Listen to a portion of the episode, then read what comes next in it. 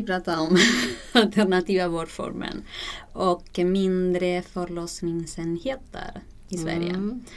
Ehm, och ehm, du var med och startade den första ABC-kliniken Mm. i Stockholm på Södersjukhuset Mm. i slutet av 19, 1980-talet. 1988 på hösten, senhösten startade det. Mm. Och berätta om det. Mm. Oj. Korta versionen kanske. Korta versionen. Eller lång. Nej, men man måste se liksom i perspektiv vad som hände, utvecklingen av svensk förlossningsvård Mm. och eh, modern för, förlossningsvård. Så hände ju så var det ju väldigt, eh, det hände inte så mycket tio, årtiondena före 1970-talet ungefär. Då, blev det, då kom CTG-apparaten in som rutinmässigt. Vi fick ryggbedövning och eh, Eh, framförallt de två förändringarna påverkade väldigt mycket. Att det blev mer medikaliserat genom det. Och eh, det här var ju en utveckling som skedde parallellt i väldigt många länder. Det kan ha varit förskjutningar på några år men i princip liksom så har förlossningsvården i, modern, i moderna kulturer utvecklats väldigt likartad vad det gäller den medicinsk-tekniska utvecklingen. Så att det började ju bli protester mot den här utvecklingen som började framförallt i USA. Eh, och det var på kvinnorörelsens agenda att man uppfattade att eh, makten togs ifrån kvinnan och eh, på den tiden där så var gynekologerna dessutom män.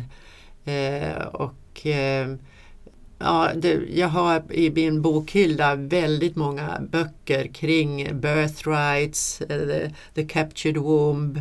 Alltså det var liksom väldigt mycket radikala tankar kring att kvinnan inte får förlora liksom makten över sitt födande. Och samtidigt så eh, startade då på 70-talet, 72 någonting, den första ABC-enheten i USA som en fristående enhet. Och det var Ruth Watson Lubick som är en pionjär på många sätt eh, inom förlossningsvården. Och i USA satte det här igång någon sorts rörelse så att det startade väldigt många fristående förlossningsenheter och det bildades en organisation som heter National Association of Childbearing Centers som hade ett avtal med ett sjukhus för överföring, alltså ett uppbackningssjukhus och en gynekolog och också en kontakt med en barnläkare. Men annars drevs det då av barnmorskor och eh, mödravård, förlossning, eftervård i samma lokal. Och eh, Karl-Axel då som jag var gift med, han var en av de första som skrev om det här i Sverige. Han, åkte, han var i USA på någon gynkongress men eh, fick kontakt med Ruth och eh, var, tittade på flera ABC-enheter. Och parallellt, så det var innan vi träffades, så hade jag börjat bli nyfiken på det här konceptet. Och så när vi träffades så bestämde vi att det här måste vi försöka förverkliga. Och då tänkte vi att det där kan vi bara göra i Stockholm. Vi bodde i Dalarna, jag bodde i Dalarna då i alla fall. Eh, för vi behövde ett underlag och vi var helt inställda på att vi skulle göra det som en randomiserad studie och lotta.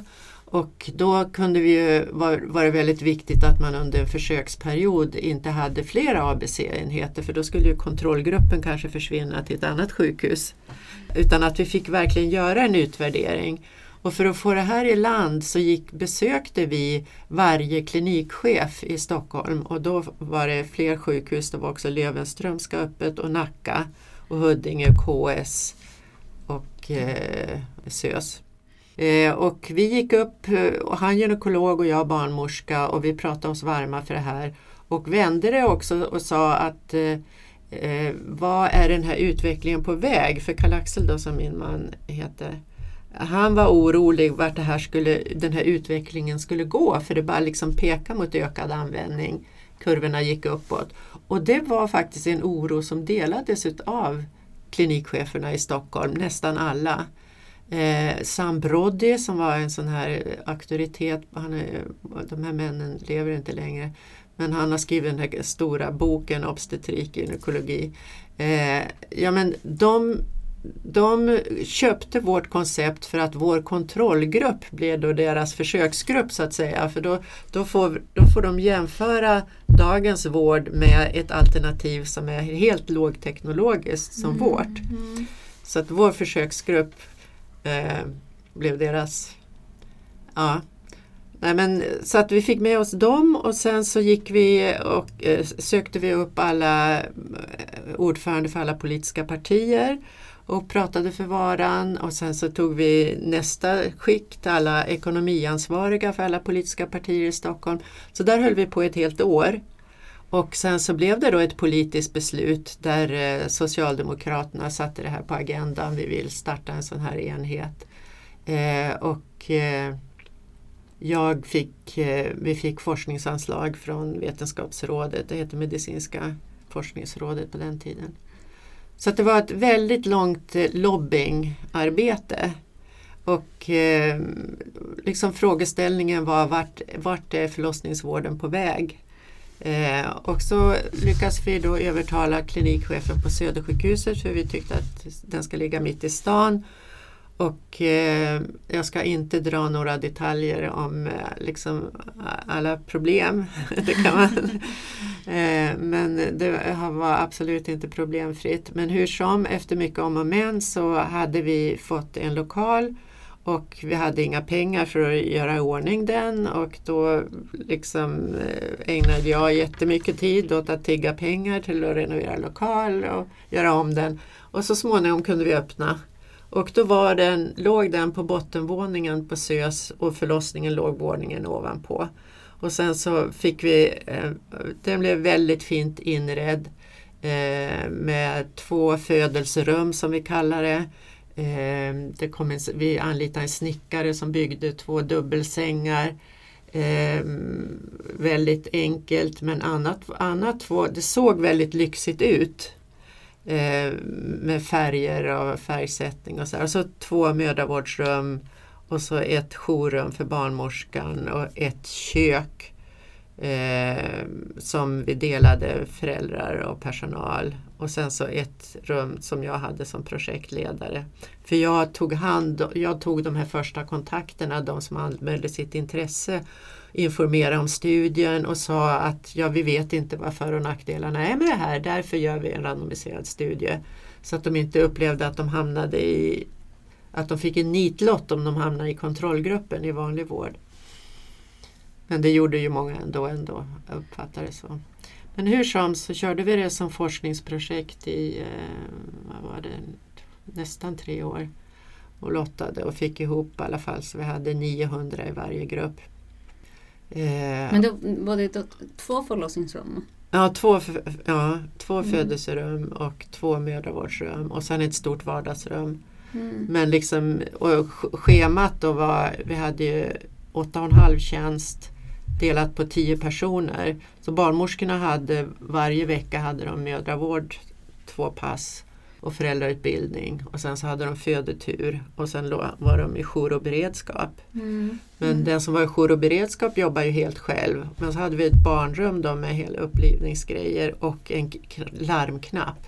Så att på en minut kunde vi få ner barnläkare och eh, förlossningsläkare om det var något problematiskt. Mm. Sen hade vi mm. ingen CTG, vi hade inga farmaka, inga eh, epidural, ingen petidin, ingen verkstimulering och sen hade vi massa lågriskkriterier för att komma dit, komma, bli ansluten till. Mm, mm. Och få föda hos er. Ja, ja, och det var väldigt populärt eh, så att eh, vi hade inget problem att fylla det här. Vi fick väldigt mycket bra press. Det var liksom de journalister som var gravida i regel, de ville gå på ABC. Det var, blev liksom väldigt inne och massor med studiebesök både från Sverige och utomlands och så. Och vilket ju också skapade konflikt med den vanliga kliniken som tyckte att varför kommer de? Det blev så mycket uppmärksamhet kring oss. Vi fick till och med någon gång blommor från sjukhusledningen för att vi fick så bra press och sådär. Mm. Mm. Men det där var inte helt problematiskt. Men det var, och sen så publicerade vi en mängd olika artiklar från den här eh, över tio olika forskningsrapporter som eh, visade då att eh, det var lägre användning av interventioner förstås. 4 procent eh, blev överförda på grund av eh, behov av epidural. Eh, och, Först eller omföderskor? Mest förstföderskor. Ja. Överföringarna blev ju höga bland förstföderskor. Ungefär hälften överfördes under graviditeten eller förlossningen. Eh, bland omföderskorna var det under 20 procent, det var väl 15 procent eller något sånt. Jag har inte de där siffrorna i huvudet. Eh, men men eh, det där undersökte vi också hur de hade upplevt överföringarna och så vidare. Men det var något som vi ändrade sen när verksamheten stängdes och övergick i Södra BB. Då, då försvann ju behovet av överföring för då, då då, då, då fanns all teknisk utrustning på plats. Mm. Men det här var som att föda hemma men på sjukhus. Mm. Mm. Och då pratar vi alltså ABC-kliniker är eh, barnmorskaleda-enheter. Ja. Är, det, är de fristående? Nej, den här är då, var då sjukhusbunden. Mm. Och jag tror det, har, det startade två också i Göteborg ungefär samtidigt. Uh -huh. Eh, och i Sverige har det inte funnits någon fristående ABC-enhet. Inga? Nej, mm. utan eh, de här på engelska kallas alongside midwifery units mm. eller birth centers. Exakt. Ja.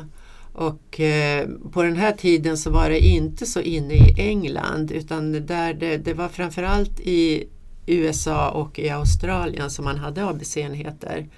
Eh, och eh, i USA mer fristående än sjukhusbundna men också både och i Australien mer sjukhusbundna men också fristående. Och i England tog det lite tid för då, där började ju det här med barnmorsketeam, alltså team midwifery. Eh, och eh, det blev liksom ett koncept som spred sig i England under lång tid och sen, sen började de också öppna ABC-enheter. Mm, mm, mm. Och eh, ABC-enheternas historia om vi ser till exempel, nu är de ju stängda helt i Sverige och i Australien är det också många som har stängt men de, det finns fortfarande men det här med caseload och team midwifery har liksom tagit över. Mm. Eh, och, men det, det, är klart ur upplevelse omvårdnadssynpunkt så är ju de här ABC-enheterna de optimala för att vi hade ju då så att vi kunde ha låsta dörrar och eh, liksom eh, inget spring fram och tillbaka utan det var verkligen en fantastisk miljö. Mm. Och alla vi som jobbade där, vi, eh, jag tror att det gäller precis alla, för vi, vi fortsätter att umgås fast att det, vi, vi tycker att det har varit den absolut bästa tiden i våra yrkesliv. För det var mm. en fantastisk kontakt mm. mellan oss och, och, blivande föräldrar och nyförlösta och sen gjorde vi hembesök också. Vad hände mm. efter de här åren när studien var slut? Ja, då övergick det i ordinarie drift mm. eh, och sen så tuffade det på ett visst antal år. Hur många år var det? Alltså totalt, om vi räknar från det ABC-enheten startade till Södra BB stängde, det var 25 år. Mm. Så att man kan säga att eh, någon form, alltså Södra BB var då en modifierad form av eh, ABC-vård. Eh, den lokalen såg ut som, det var en, inte som ett helt kors men det var en flygel så, en flygel, två små flyglar så här som båda hade varsin ABC-enhet med både mödravård, förlossning, eftervård och sen var det en lång del av, av eh, lokalen som var tänkt som, ja det, det, var under åren var det ibland BB och ibland förlossningsvård. Eh, men eh, Södra BB tog med sig väldigt mycket av tänkandet från ABC och tog vara på också det som kanske var problemet med ABC, nämligen överföringarna. Genom att det fanns eh, CTG och epidural och liksom man kunde få lägga sugklocka också men allt var liksom dolt i inredningen och personalen hade eh, det var ju liksom selektion fortfarande av lågriskkvinnor så det var ju mycket mer. Så det, det fanns alltså kontinuitet, mm. en hemlig miljö. Ja, mm. inte, inte lika småskalig då som mm. ABC-enheten. Alltså, småskalighet tror jag väldigt mycket på om man mm. ser ur omvårdnadssynpunkt. Va? Men eh, det var, det var ändå eh, Södra BB var en jättefin verksamhet och det var ju Mm. många fler barnmorskor som fick exponeras för det här sättet att jobba. Eh, och vi hade ju också barnmorskestudenter där Mm. eh, som fick se lite mer normala förlossningar och sådär. Men då skillnaden var just att eh, då hade man tillgång till epidural Mm. och CTG, CTG. ja. Mm, och sugklocka fanns också. Så, just det, just så att det det. blev inga överföringar då mer än kejsarsnitt som det ändå blir överföringar. Mm. Mm. Mm. Alltså jag tänker om det finns samband mellan storleken på förlossningsenheten och medicinskt utfall. Ja, det är en bra fråga och jag kan Mm. inte riktigt svara på den faktiskt. Nej. Eh, Ett tag höll jag på att titta på det där och eh, alltså nu har ju Alltså för, för, vad ska man säga, hur lång tid tillbaka? Eh, säg för en 20, 20 år sedan eller 25 år sedan. Då var ju liksom uppfattningen att en förlossningsavdelning skulle inte bli för stor. Att det var bra om det var kanske 2 500 förlossningar eller något sånt där. Men det, och att absolut de här som var 4 000 förlossningar, det uppfattar man för stort. Men nu har ju det ändrats. Nu är det ju jättefabriker. Eh, så att eh, det är ju mycket som går förlorat när man har stora enheter och det har jag ju sett utomlands också. Jag har jobbat i Australien lite. Eh, att då blir det mycket mer manualdriven vård för man, man får ju också mycket större personalomsättning och eh, det, blir inte som på ABC-enheten, Barnmorskorna kan konsultera varandra och man vet precis varandras styrkor och svagheter och så. Och ingen personalomsättning på flera år. Eh, och eh, när, till exempel det här Royal Women's Hospital i Melbourne där jag jobbade, jag hade en professur där. Ehm, och, och, och, som var en klinisk professur så jag hade mycket med vården att göra. Men nu var jag, när jag var där och besökte senast då hade det varit ett nytt sjukhus och jättemånga förlossningar och jättemycket personal. Och allting var manualiserat, liksom. precis allting. Det var Mm. bara liksom, och, och, och det tror jag är väldigt förödande också för barnmorskan ur Mm. professionell synpunkt. Att Mm. hon Mm. liksom behöver inte tänka utan det blir liksom man måste bara visa upp att man har, har gjort det där Mm. och det där och det där. av saker. Mm. Mm. Mm. Mm. Då är vi inne Mm. lite på det här med för och, och nackdelar mellan större och mindre. Mm, mm. Men när du säger det där om, alltså, man, man mäter ju alltid dödlighet och allvarlig sjuklighet Mm. hos barnet. Mm.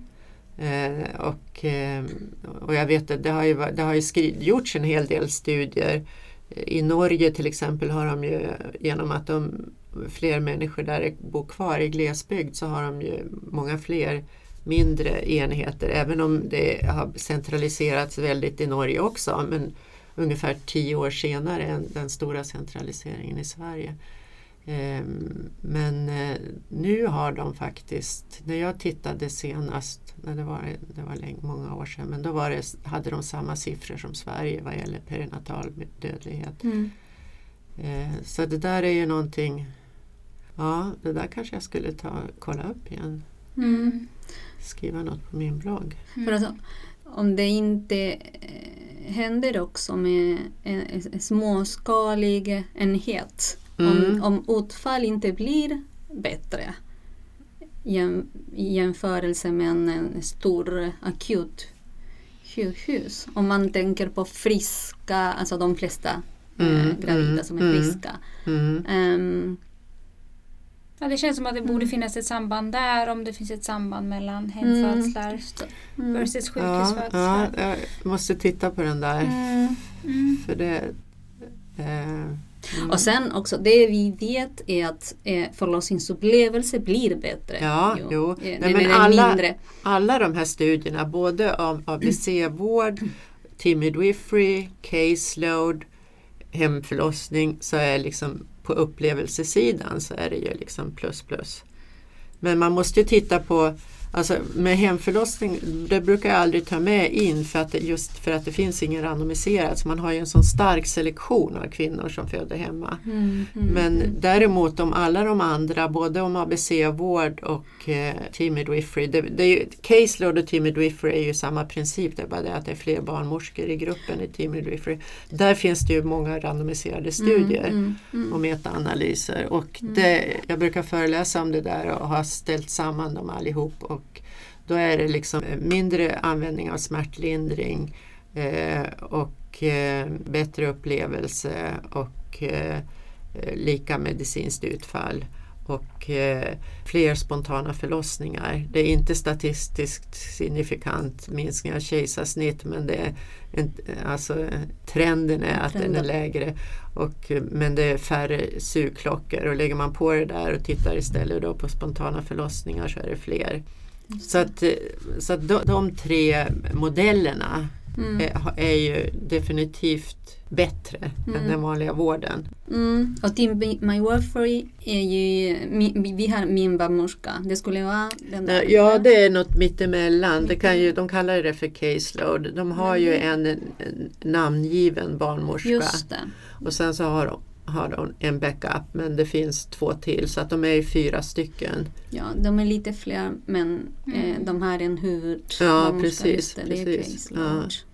Men jag är också intresserad varför Södra BB lades ner. Vill du berätta lite om det? Ja, det var faktiskt bara ett byte utav klinikchef. kom en ny klinikchef som eh, inte trodde på det och ville ha lokalerna till något annat. Trots att det var så omtyckt och, Ja, av de som ja. födde och de som arbetade. Ja. Det som är svårt med de här modellerna det är ju att det finns väldigt lite ekonomiska evalueringar. Och när det gäller barnmorsketeam och caseload så är det ju inte så stort problem för att ja, även där är det ju det. Ska jag säga nu Mm, för att mm. det är fortfarande projekt det som är i Huddinge. Mm, Det är nästa sommar Mm. som de ska Mm. bedöma. Och i Västra Götaland ville de Ja. börja ett projekt och de fick eh, nej. Ja. Och så säger de ekonomiska skäl. mm, ja, diversa. Jo men eh, ofta, ofta säger de ju som till exempel om min barnmorska att det är liksom för bra vård. Kvinnorna får allt för mycket. Liksom. De får ju ja det sägs inte med de orden men, Nej, det, nej, är nej, det, nej, men men- det är den kontentan. Mm. Ja. Eh, och sen så, så kan man ju inte sätta kronor och ören på, på det och vad det innebär. Ja, de får för mycket alltså kvinnorna. Mm. ja, de ska inte få sådär mycket. Nej. Nej. Bra Ja. vård och bra upplevelse. Ja. Mm. Och egen toalett. Ja, precis. Det är mycket. Möjlighet till bad och stöd. Och... Nej. Mm. Ehm, men ehm, Vi har också sagt det som en fråga, eller skrivit ner det, varför det inte finns den här typen av vårdform i Sverige. Vi har varit inne lite på det, det här med Mm. mindre enheter och barnmorskeledda enheter. Och vad tror du att det beror på att det motarbetas och läggs ner hit och dit? Och också, Ja. en, vi ska flicka det, för du sa att de, alltså de största gynekologerna när ni började eh, och pratade med de här eh, på SÖS och andra kliniker, de, de kunde se eh, som problematiskt den här Ja. trenden, den Ja, här ja. ökad Då, medikalisering. ja, och då var det ändå inte så medikaliserat som nu. Eh, vad, hände, vad, hände, vad hände där? Ja, de är döda nu. Men varför blir det inga nya gynekologer så? Vi vill de gamla Ja, gynekologer. exakt. Eh, Nej, men eh, man ska inte skämta så. Men eh, nej, alltså jag tror att det måste vara, det måste också finnas några gynekologer som går i spetsen. Nu är ju gynekologerna, alltså det, det är lite intressant för nu är ju gynekolo, gynekologerna i regel kvinnor. Mm. Eh, då var de män. Jag drar inga slutsatser utav Nej. det men alltså det måste ju finnas lite, någon som tror på, alltså som värdesätter de här utfallen som ligger i den andra vågskålen. Mm. Oro eller omvårdnad och vad det betyder för självkänslan att kunna få föda liksom av egen kraft och så. Att, eh, Och det är ju det som vi barnmorskor som forskar har ägnat oss väldigt mycket åt, att studera upplevelser och så. Mm. Och det är därför som jag nämnde den där artikeln där vi tittar på samband, där vi faktiskt länkade förlossningsupplevelser till framtida reproduktion. Mm. Att ett hårt utfall, död, icke död hos barnet. Att eh, det är liksom, då, då tänkte jag liksom att ja men nu nu om något så borde man väl ta det här på allvar att eh, förhindra traumatiska upplevelser. Mm. Men alltså, jag tror att det behövs eh, också några starka, modiga gynekologer som går i spetsen. Mm. Men tyvärr så är det ont om dem. Mm. För att barnmorskor är ju idag, jag kan ju ändå se lite positivt på utvecklingen på det sättet att nu är det väldigt högt upp på dagordningen i barnmorskekåren att kontinuitet är viktigt. Eh, och de här modellerna, till exempel min barnmorska och så, att det, man vill arbeta så, man vill kunna vara hos kvinnan, en barnmorska, en kvinna. Och där finns det liksom en rörelse med väldigt många barnmorskor. Alltså på min tid, alltså jag var ganska ensam mm -hmm. att driva här i Sverige. Eller vi var ju, inte bara jag, men vi var ju, jag menar, vi var väldigt få. Så att på det sättet så är det ju ett bättre läge. Men å andra sidan möjligheterna att påverka. Alltså om jag jämför med Australien då, jag jobbade två år där. Eh, de har ju på alla sjukhus har de just sådana här modeller. Mm. Och de kan ju ha både, som Royal Women's, de har både caseload och timid midwifery. Eh, de har stängt sin ABC-enhet men det finns andra sjukhus som både har en ABC-enhet och de har caseload och de har flera sådana här barnmorsketeam. Och vad beror det på att de, det är mycket enklare att starta? Ja, alltså jag, min bild är att det är för att, vad ska man säga, eh, systemet fungerar annorlunda så att gynekologerna där, de har sin privata praktik och sen så följer de sina privata patienter in. Så att det är liksom lite mer skilda världar. Vi jobbar ju faktiskt på gott, inte på ont, väldigt nära gynekologerna. Alltså, vi har ju ett bra samarbete mellan barnmorskor och gynekologer på många sätt och som var mycket mer, eh, det var mycket mer, eh, vad ska man säga, motsättningar mellan läkare och barnmorskor i Australien. Mm. Samtidigt ser man att eh, barnmorskor, alltså deras kunskap värderas inte lika hög som förlossningsläkares eller gynekologers Nej. kunskap. Och, då, och, och, och att Alltså för det är barnmorskan som har kunskapen om den fysiologiska processen. Ja, det har ju gynekologen också faktiskt. Nej, men jag tror att man måste, ju ändå, man måste ju ändå konstatera att gynekologen har mer kunskap totalt sett om man säger i alla fall det teoretiska och mm. helheten än barnmorskan. Men barnmorskan har en kunskap som grundar sig på att hon ha, hela tiden möter väldigt många kvinnor. Och jag menar i den generation som till exempel mina två gynekologer som jag har levt med, eh, de hade ju en helt annan respekt för barnmorskans kompetens för att det var hon som hade den här hon hade så mycket kvantitet mm, mm. i form av erfarenhet mm. utav normala förlossningar och avvikelser och så mm. vidare. Och så var det ju liksom, även när jag blev klar barnmorska så var det ju så att gynekologen kom ju bara när barnmorskan kontaktade och behövde gynekologen skulle komma. Eh, förutom då att det var en rond på morgonen då alla träffades. Men idag så är ju gynekologerna på plats hela tiden och det är ganska många som är på plats hela mm, tiden. Mm. Eh, och det är ju för att det görs så mycket under en förlossning nu. Det, det är så många Alltså det är inte no tysta, no lika många tysta normalförlossningar nej, kanske. Nej, det är just på grund av den här medikalis ökade medikaliseringen. Ja man, ja, man kontrollerar väldigt mycket. Och det känner jag, det har ju, eller som jag ser det också följts av en, slags normaliseringsprocess där man tycker att det här är det vanliga och det är det man ser Mm. mest av. Mm. Mm. då kanske man blir lite blind för det fysiologiska och det. Mm. Ja, det är någon tillvänjning där. Men sen får man ju titta då på utfallen. Där, där är det ju väldigt mycket som har blivit väldigt mycket bättre. Men det är framförallt eh, om man tittar på de hårda utfallen så är det ju neonatalvården som har blivit så väldigt mycket bättre. Mm. Alltså för att där, alltså neonatala dödligheten har ju gått ner Mm. otroligt. Mm. Mm. Så det, det är ju en riktig framgångssaga. Mm. Och eh, sen kan man ju då eh, diskutera ja. Men vissa saker, till exempel syntocinostimulering, det har ju Alltså man, har ju, man lär ju sig också över tid så att vissa saker har ju faktiskt blivit bättre där också.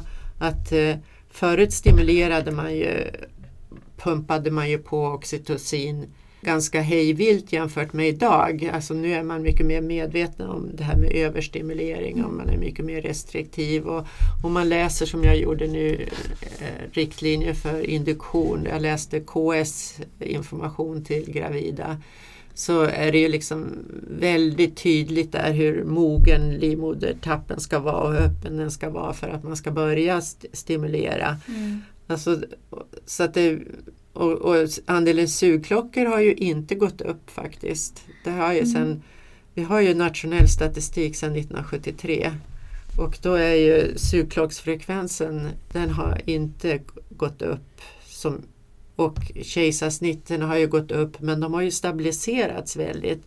Och där får man väl säga ändå att gynekologerna har gjort en väldig insats i Sverige om vi ser internation- via internationell jämförelse.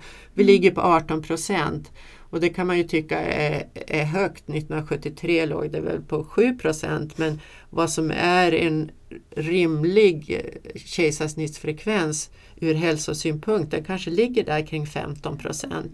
Det var ju en jätteduktig gynekolog i Linköping som liksom verkligen eh, satsade på att få ner kejsarsnitten. Jag tror att som har betytt mycket och det är många andra också. Men det, det är liksom inte bara svart och vitt. Liksom. Nej. Absolut inte. Nej. Mm. Um, Ulla, är det något mer som du skulle vilja säga kring det här med de här alternativa vårdformerna? Mm. Ja, alltså det, det är ju sorgligt att det inte finns några ABC-enheter. Mm. Och jag tycker ju att eh, vi har ju grannländer som vi borde lära av. Jag menar Danmark har ju en helt annan inställning. Och kvinnorna har ju rätt till, de, de har ju rätt till hemförlossning, de har rätt Mm. till eh, olika alternativ. Och eh, i, i Norge så har man ju organiserat om förlossningsvården så man har ju bestämmer liksom nivåer, låg risk, Mm. mellanrisk, ja ni kanske kan det där. Mm. Ehm, så Sverige och Finland, det är väl vi som är mest... Jag tror att Finland är ganska likt Mm. det svenska systemet. Ja, det är inte så mycket val att tala om direkt. Nej, nej. Mm. Men, eh, ja, min, Men- för, min ja. förhoppning är ju att det, ur den här krisen borde det ju komma någonting också att man öppnar upp för fler alternativ. Mm. Men eh, jag vet inte om det kommer att ske. Försiktigt positiv. Ja. Ja. Nej men det, det du säger att husbarnmorskorna hör det här också. Att de, de vill jobba på det här sättet i Ja. småskalig Absolut, miljö absolut. Och, eh, och kunna följa kvinnan hela vägen. Ja. Ehm, så. Jo, det är verkligen det. det och hela Barnmorskeförbundet står ju bakom det. Och Mm. det, är, det är ju en kraft. Sen hoppas man nu då att det blir fler som knoppar av sig. Så det är ju väldigt tråkigt med Göteborg då som den näst största staden borde ju kunna ha den här typen av Mm. alternativ. Mm. Mm. Tack snälla Ulla för att du tog dig tid att komma till oss. Tack för att jag fick komma. Stort tack.